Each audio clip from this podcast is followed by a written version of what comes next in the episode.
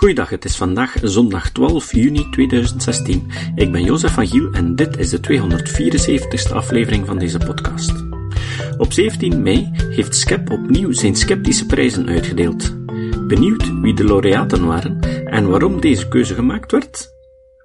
Voorzitter Paul de Belder en filosoof Johan Braakman leggen het in deze aflevering aan jullie uit. Bedankt om uh, afgekomen te zijn vanavond. We zijn met niet zoveel. Het is nooit uh, voorspelbaar hoeveel volk dat er komt naar zo'n prijsuitreiking. Uh, de pers die heeft ons allemaal al gebeld. morgen voormiddag is er een interview met onze winnaar op Radio 1. En ook Radio 2 gaat normaal gezien morgen iets doen rond onze sceptische prijzen. Goedenavond en welkom aan iedereen op de uitreiking van de Sceptische Prijzen 2015. Het is elke lente weer spannend bij SCEP. De jury voor de Sceptische Prijzen die beraadslaagt dan over wie het vorige jaar met kop en schouders uitstak boven de massa van onzin en prietpraatverkopers. Uh, gewone kwakzalvers, uh, samenzweringstheoretici, verkopers van rare apparaten, volksverlakkers en pseudowetenschappers, die maken geen kans. Je moet echt wel je best doen om de sceptische put in ontvangst te mogen nemen. En om een waardige opvolger te zijn van bijvoorbeeld Jan Alijn en de werkgroep uh, Beperkte Straling, die vorig jaar de prijs wonnen. Of van uh, samenzweringsgelovige extraordinair Peter Verreken, die de prijs twee jaar geleden gewonnen heeft. De jury heeft streng maar rechtvaardig de lijst van mogelijke kandidaten uitgevlooid maar uiteindelijk hebben ze besloten dat niemand voldoende zijn of haar best gedaan heeft uh, in 2015 om de felbegeerde sceptische put te, uh, te winnen. Dus we reiken dit jaar geen put uit.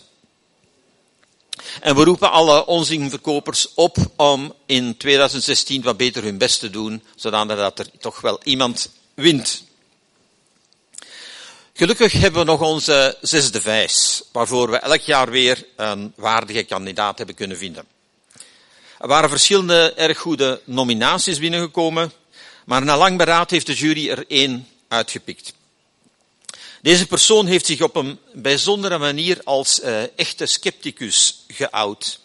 Iemand die diepe overtuigingen heeft laten varen op basis van zijn eigen grondige review van de wetenschappelijke consensus rond het onderwerp waar hij mee bezig was.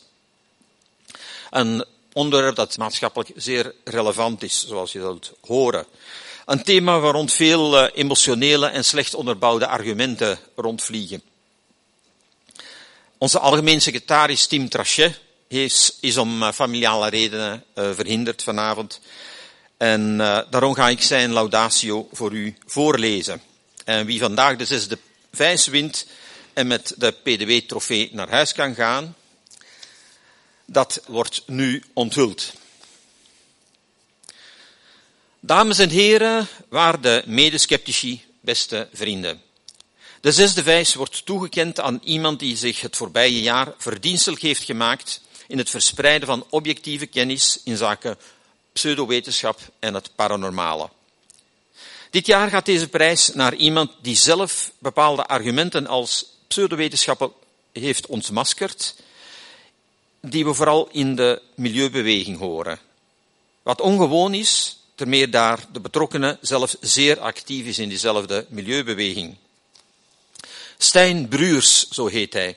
Hij publiceerde een dik jaar geleden op zijn eigen blog een tekst die nogal wat stof deed opwaaien. De titel is waarom de milieubeweging het GGO-dossier mag loslaten. Hij zelf had de jaren daarvoor met overtuiging actie gevoerd tegen de GGO's. Maar tegelijkertijd zegt hij uitdrukkelijk van rationeel ingesteld te zijn. Hij noemt zichzelf rational ethicist. Hij is trouwens uh, dokter in de natuurkunde en in de moraalwetenschappen.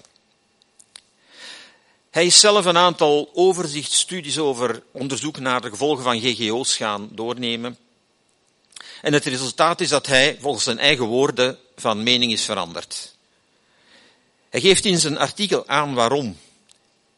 Enkele anderen zijn hem daarin voorgegaan. Grote namen zoals eh, Mark Linus. Ook de hoofdredacteur van Skep, Bart Koenen, heeft een wat vergelijkbare epifanie, als ik het zo mag noemen, doorgemaakt. Maar zijn broers geeft wellicht meer dan wie ook uitdrukkelijk het verband aan met pseudowetenschappen. Hij is geen lid van SCEP. Leden van SCEP kunnen de zesde vijs niet winnen.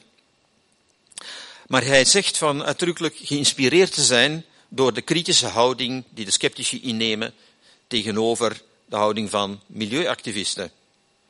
Het sceptische verwijt dat er soms pseudowetenschap achter steekt, werd door hem grondig onderzocht, grondiger wellicht dan wij zelf zouden gedaan hebben, en bevestigd.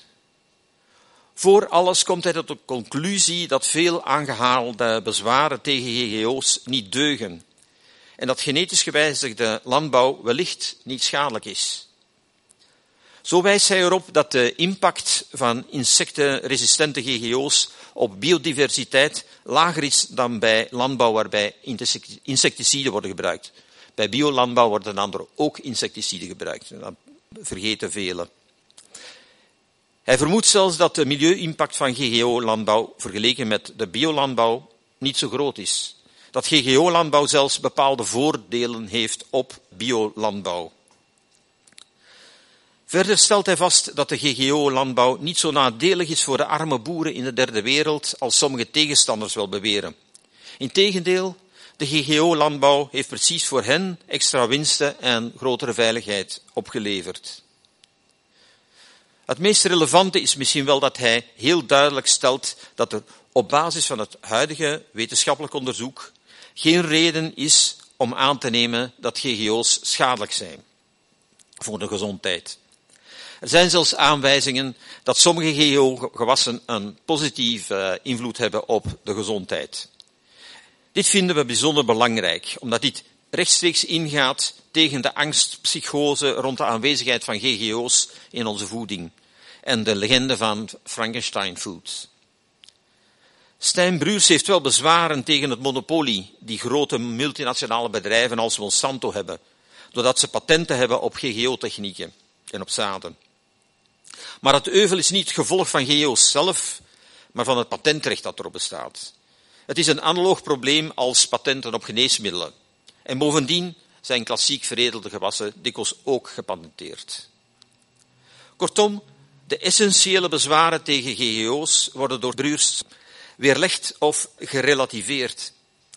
Hij wijst zelfs op enkele voordelen van GGO's en hij doet dit op basis van studies die, zo benadrukt hij, een wetenschappelijke consensus weerspiegelen en onafhankelijk van de industrie zijn tot stand gekomen. Hij wijst op de analogie met de wetenschappelijke consensus rond de klimaatverandering en legt een verband tussen de zogenaamde klimaatontkenners en anti-GGO-activisten. Bovendien merkt hij op dat de GGO-tegenstanders al te vaak verwijzen naar wat hij noemt onbetrouwbare pseudowetenschappelijke studies. Die studies, zoals die van de Frans van Seralini op ratten die GGO-voer kregen, ontvingen opvallend veel media-aandacht en worden steeds opnieuw vermeld, omdat ze het gevaar van GGO's zouden aantonen. Maar de kritiek op deze slechte studie, waarvan de publicatie zelfs werd ingetrokken, komt veel te weinig in het nieuws. Belangrijk is ook dat hij wijst op de gevaren van het irrationeel afwijzen van GGO's. Zo wijst hij erop bijvoorbeeld dat uh, het niet-gebruik van GGO's onder druk van de milieubeweging in een land als Zambia tot hongersnood en vele doden geleid heeft.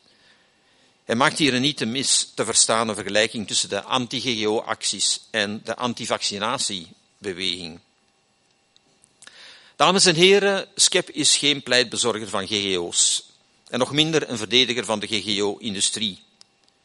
SCEP heeft wel problemen met wie op basis van angst of vastgeroeste vooroordelen rationele wetenschappelijke conclusies over GGO's afwijst.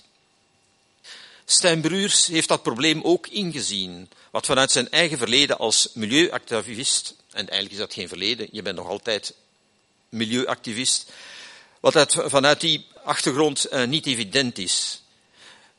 Mensen zijn nu eenmaal van nature gevoelig voor argumenten die hun eigen opvattingen bevestigen. Hij heeft zelf jarenlang actie gevoerd tegen GGO's, alvorens van mening te veranderen. En die verandering van mening kwam er door het raadplegen van wetenschappelijke publicaties in serieuze tijdschriften. Dingen die in principe iedereen kan doen, maar waarvoor maar weinigen de moeite en de tijd nemen. Over zo'n houding kunnen wij ons natuurlijk alleen maar verheugen. U weet, in het paradijs heerst er veel vreugde over één berouwbare zondaar. Maar dat is hier een beetje naast de kwestie. Stijn Bruurs richt zich in de eerste plaats tot de milieubeweging zelf. Hij probeert zijn geestesgenoten te overtuigen. Bovendien is zijn uitleg bijzonder helder en duidelijk, waardoor we kunnen hopen dat deze een ruim publiek bereikt. De publicatie heeft inderdaad een zekere weerklank gekregen, niet alleen op internet, maar ook in de radio-uitzending Interne Keuken van Feiten en Filet. Zelf voormalige winnaars van de Zesde Vijs. Onze vreugde voor deze publicatie betekent niet dat Skip als zodanig achter de standpunten van Stijn Bruurs staat. Zo pleit hij voor veganisme en hoopt hij dat GGO-technieken hiertoe kunnen bijdragen. Een heel interessante piste. Daar zijn we niet voor of niet tegen, ook al omdat dit deels om een ethische kwestie gaat waar Skip zich niet mee bezighoudt. We pleiten ook niet voor of tegen GGO's. Als SCEP gaan we niet beweren dat alles over het wel en wee van GGO's nu beslecht is. Die vraag moet ook niet door ons worden bezegd. Maar we willen wel onze waardering uitdrukken voor het feit dat iemand die zich in dit debat zeer heeft geëngageerd, een kritisch wetenschappelijke houding aanneemt en op zijn hoede is voor pseudowetenschap. Dit is een krachtig signaal dat je je bezorgd kan maken over het milieu en de toekomst van deze planeet, zonder daarom in irrationele opvattingen over de natuur of wat dan ook te vervallen. Mag ik dan ook vragen aan Stijn Bruurs om de PDW-trofee voor de zesde vijs 2015 in ontvangst te nemen.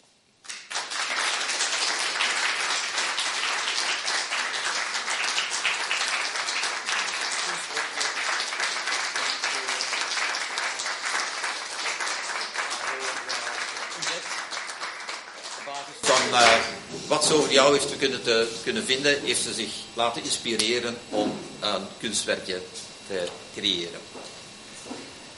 Ik denk dat Johan Braakman nog een kort woordje wou zeggen en dan gaan we jou aan het uh, woord laten om ons te vertellen over. Ja. Dat mag je eigenlijk allemaal kiezen waarover je ons wil onderhouden.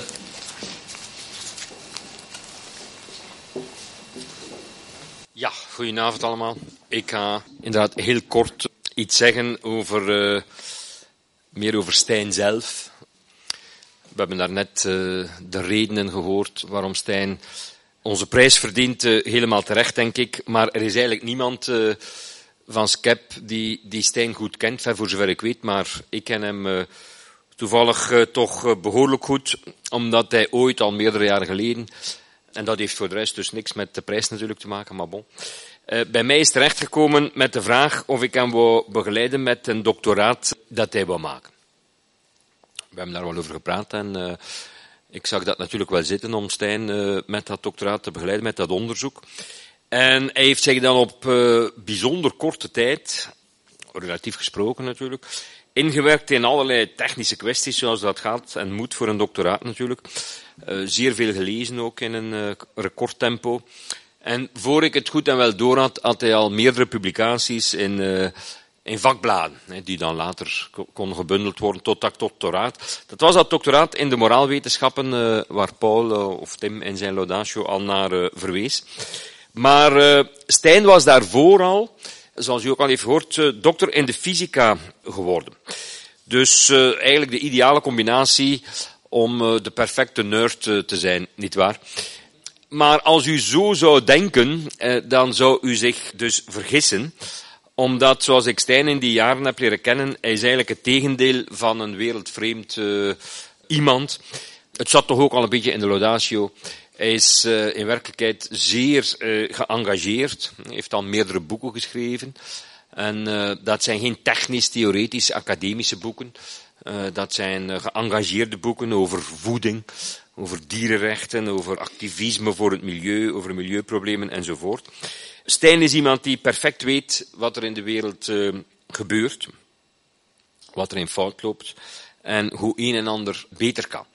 En de manier waarop hij dat naar voren brengt, wat er beter kan, dat doet hij op basis van wetenschap. Hij kent de wetenschap uit de two cultures, zoals dat heet, dus zowel de natuurwetenschappen als de zogenaamde humanities. Heeft in beide een doctoraat behaald.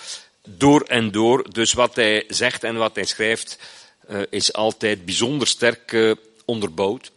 En ik wil daar ook graag aan toevoegen, de engagementen die hij neemt, de standpunten die hij inneemt, dat is ook niet louter theoretisch. Hij leeft daar ook naar.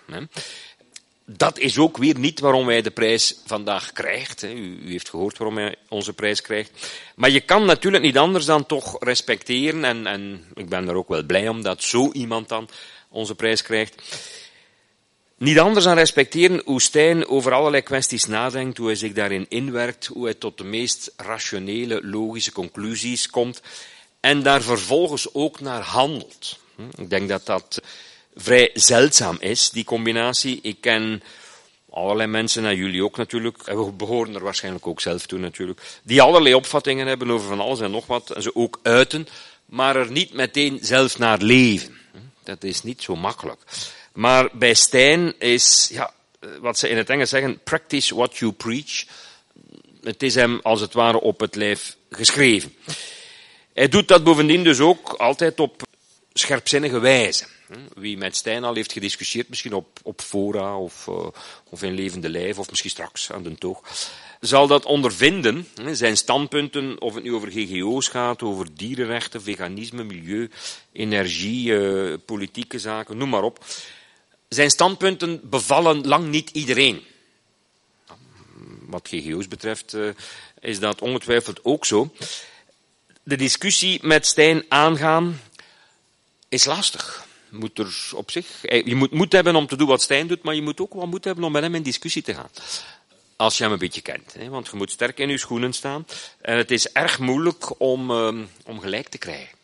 Want wat Stijn vertelt is altijd doorvrocht, hè? zeer goed beargumenteerd, zeer logisch, zeer helder gebracht dat is niet altijd even prettig. Hè? Als je denkt dat je, dat je even kunt uitleggen waarom hij fout zit. Uh, dat kan nogal tegenvallen. En dat strijkt vaak mensen tegen de haren in. Maar Stijn is iemand ja, die dat er gewoon bij neemt. Wat primeert is ja, de consistentie, de logica, de helderheid, het verdedigen van het standpunt zelf, de waarde van het standpunt uh, op zich natuurlijk. En dat geldt evenzeer natuurlijk, dat heeft u begrepen, voor het standpunt dat hij over GGO's eh, naar voren bracht. Je begrijpt dat de mensen waarmee hij nogthans ja, samen in zee gaat, zelfs ook eh, letterlijk bij, bij acties, vaak geneigd zijn om tegen GGO's te zijn. En dus als iemand uit hun eigen milieu zo'n standpunt naar voren brengt, zoals Stijn deed, ja, dat vergt toch wat moed hè, om u op die manier te outen, als ik het zo mag zeggen. Dus Stijn verdient die zesde vijs voor de redenen of de PDW-prijs die uh, daarnet door Paul zijn naar voren gebracht. Maar ik ben toch ook blij als conclusie om u te kunnen zeggen dat die specifieke verdiensten, waarvoor Stijn hier nu geloofd wordt, dat dat niet een geïsoleerd iets is, maar eigenlijk gewoon ingebakken zit in de manier van denken, van leven en van handelen, die typisch is voor de mens die ik leren kennen heb, uh, Stijn Breurs. Dank u wel, Stijn, en proficiat.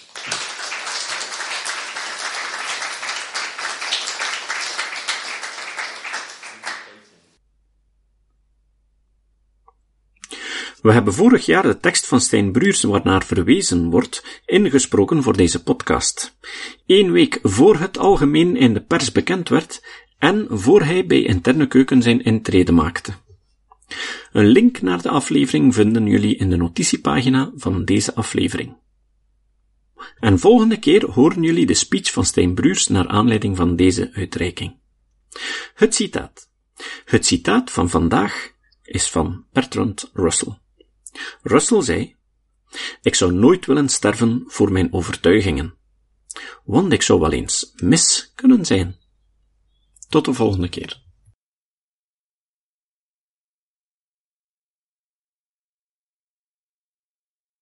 Deze podcast is het resultaat van het werk van veel mensen. Rick de Laat, verbetert bijna al mijn teksten en maakt de meeste vertalingen. Emiel Dingemans verzorgt onze website en Facebookpagina. Ook Leon Korteweg en Stefan Sutens schrijven, vertalen of verbeteren soms artikelen. Leon onderhoudt bovendien het YouTube-kanaal van deze podcast. De muziek van de intro en de trailer heeft Nick Lucassen geschreven en soms maken we ook gebruik van muziek van Ad van Nederpelt, die ons zijn prachtige composities ter beschikking stelt. Dit was de podcast Kritisch Denken. Vergeet niet om alles kritisch te behandelen, ook deze podcast. Voor verdere informatie over deze podcast, links en voor de tekst, surf naar www.kritischdenken.info. Als je deze podcast belangrijk vindt, kun je me steunen door anderen warm te maken ook eens te luisteren. Stuur een e-mail naar vrienden met een link naar de website en plaats de link in de handtekening van je e-mails. Tevens kun je op iTunes deze podcast een beoordeling geven of een recensie schrijven. Of je kan op je eigen website of blog een link naar kritisch denken plaatsen.